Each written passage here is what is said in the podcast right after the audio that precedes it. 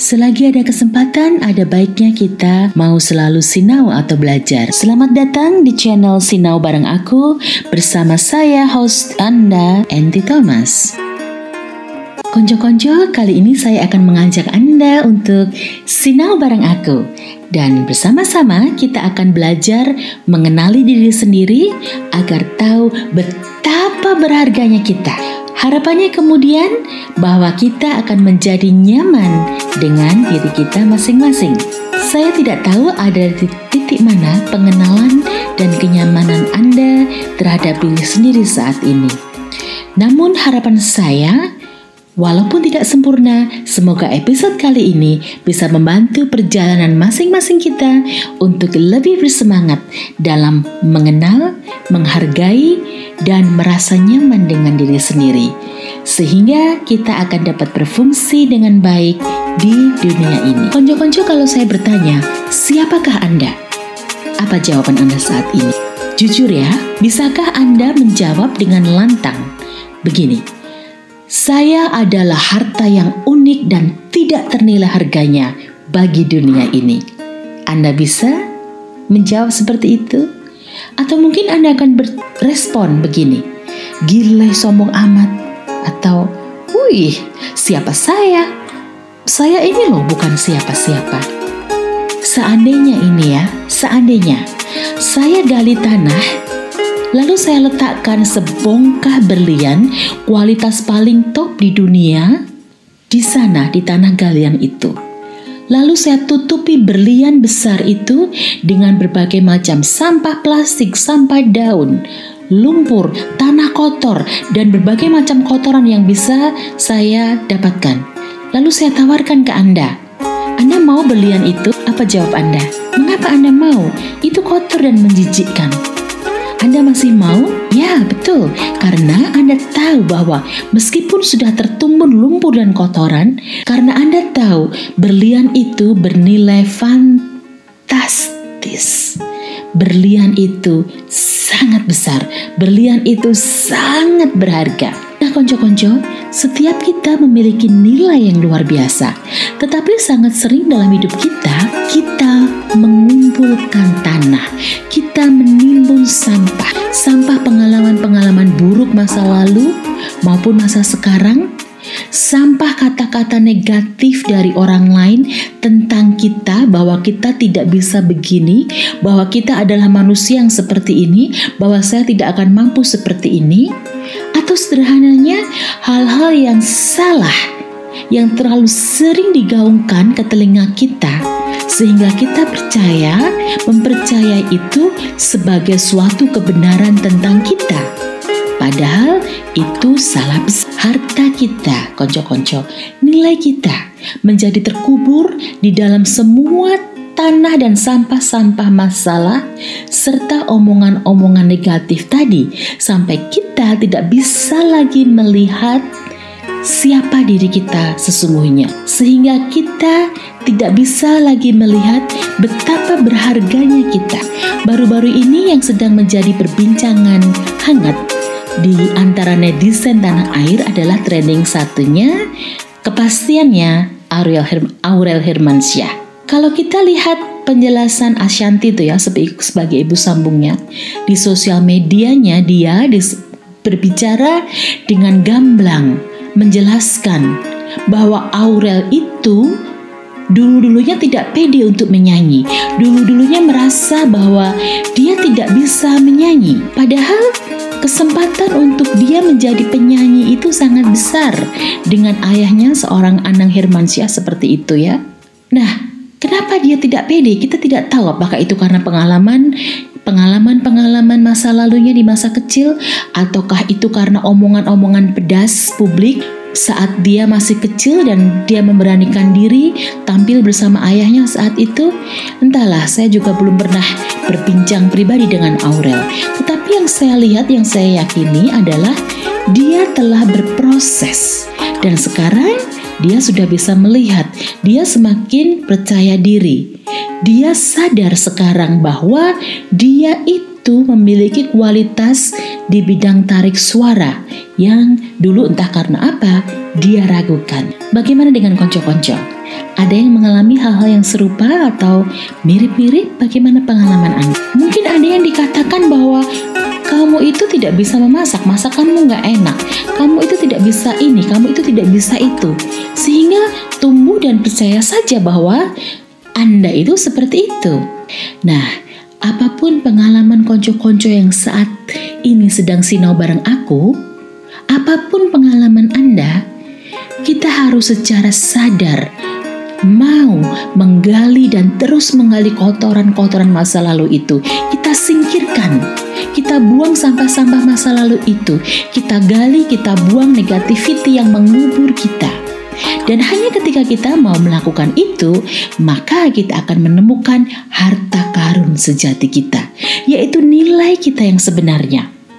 Dan sesudah kita melakukan itu, kita akan mampu melihat diri kita yang sebenarnya. Kita akan mampu melihat bahwa kita ini dalam kapasitas apa pun berharga. Ini tidak mudah ya. Ada beberapa hal yang bisa menghambat proses kita untuk melihat betapa berharganya kita. Banyak sekali. Di antaranya akan saya sebutkan di sini uh, contoh yang gampang. Misalnya, kita anda tidak merasa menarik, tidak merasa cantik. Nah, konco-konco saat ini marak sekali ya penggunaan face app yang bisa merubah penampilan kita secara drastis dan dalam tempo yang sesingkat-singkatnya. Itu nggak salah, sah-sah saja sebenarnya kalau kita melakukannya just for fun. Karena siapa sih yang tidak mau terlihat cantik, iya kan? Tetapi seriously saya mau bertanya, apa sih kecantikan itu menurut Anda? Saya senang dengan kutipan salah satu bintang Hollywood Salma Hayek yang berkata, orang sering mengatakan bahwa kecantikan ada di mata yang melihatnya. Dan aku, Salma, berkata bahwa kecantikan adalah ketika kita menyadari bahwa kita sendirilah yang melihatnya. Hal ini memberanikan kita untuk menampukkan kecantikan di tempat-tempat yang orang lain tidak berani lihat, termasuk di dalam diri kita sendiri. Dan konco-konco saya yakini Salma ini benar-benar mempraktekannya karena uh, saya lihat dia salah satu bintang yang cukup sering, cukup berani tampil dengan uh, bare face ya tanpa riasan make up dan dia selalu tampak cantik karena kepercayaan dirinya yang besar.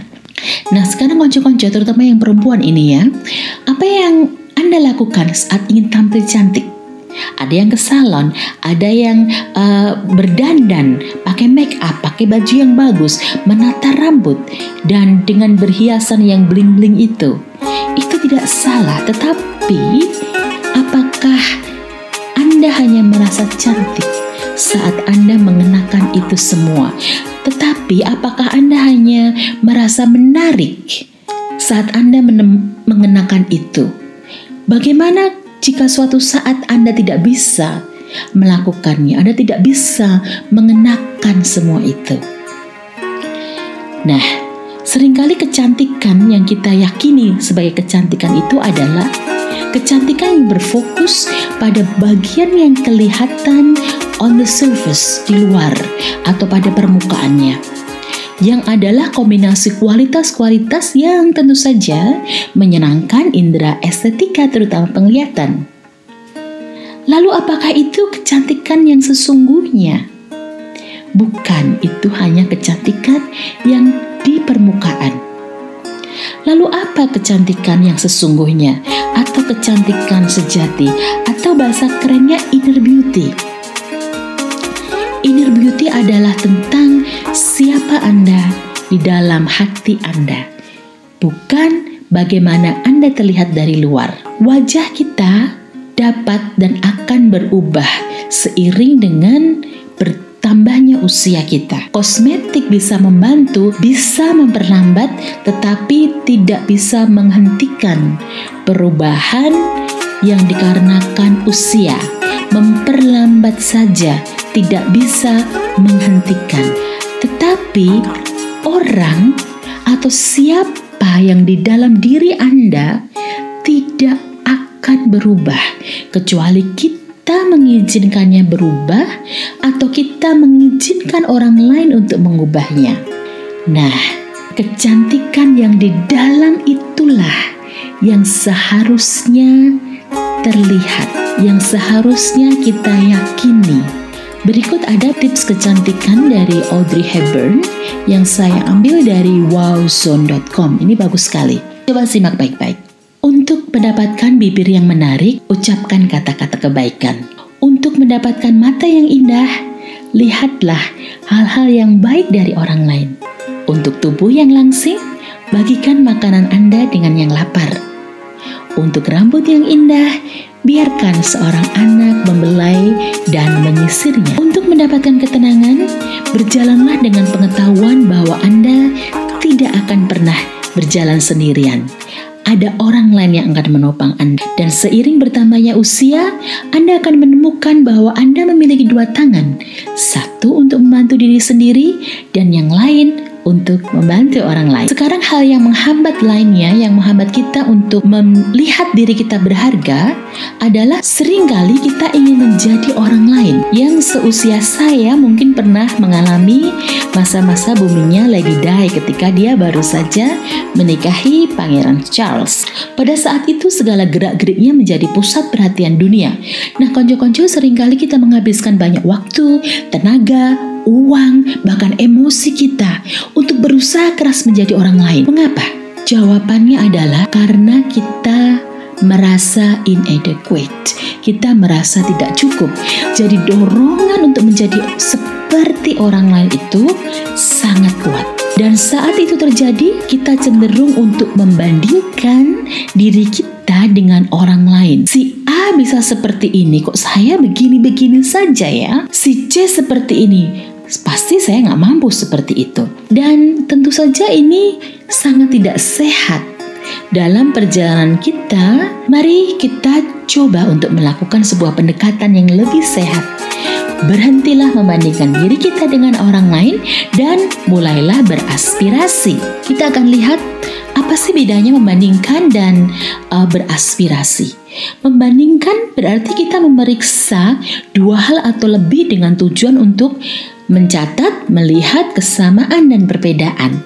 Berarti kita akan mendaftar, mengukur, atau mengkritisi satu hal dengan yang lain. Diri kita dengan orang lain. Dan ketika kita melakukan perbandingan dengan orang lain, maka kita cenderung mempunyai perspektif yang negatif tentang diri kita sendiri. Mengapa saya tidak bisa sedikit saja seperti si A, seperti si B. Andai saja saya terlihat lebih seperti si D, si E, itu tadi membandingkannya.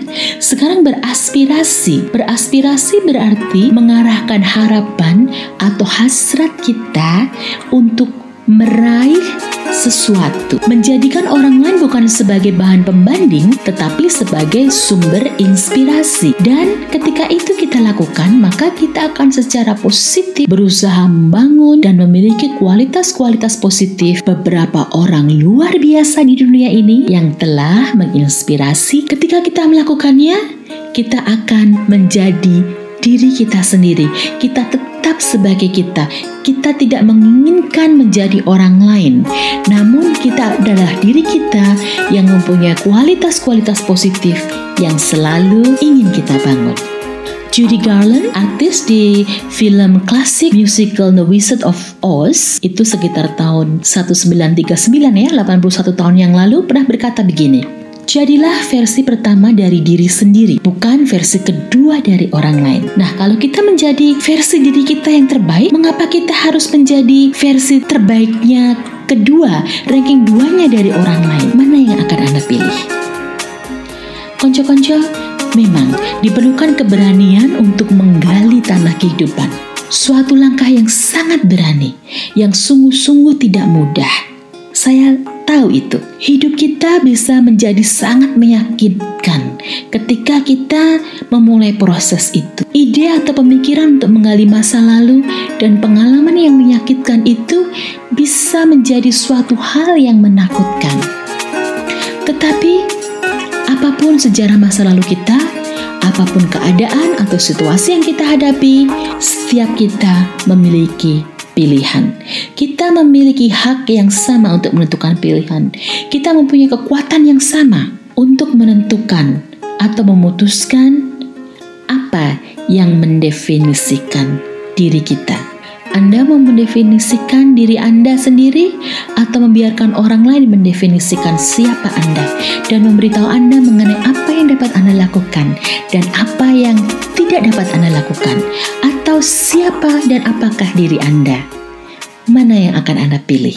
Jadilah versi pertama dari diri sendiri, bukan versi kedua dari orang lain. Karena Anda berharga. Terima kasih telah bersama saya, Angel Thomas. Sampai bertemu di episode Sinau Bareng Aku berikutnya. Bye-bye.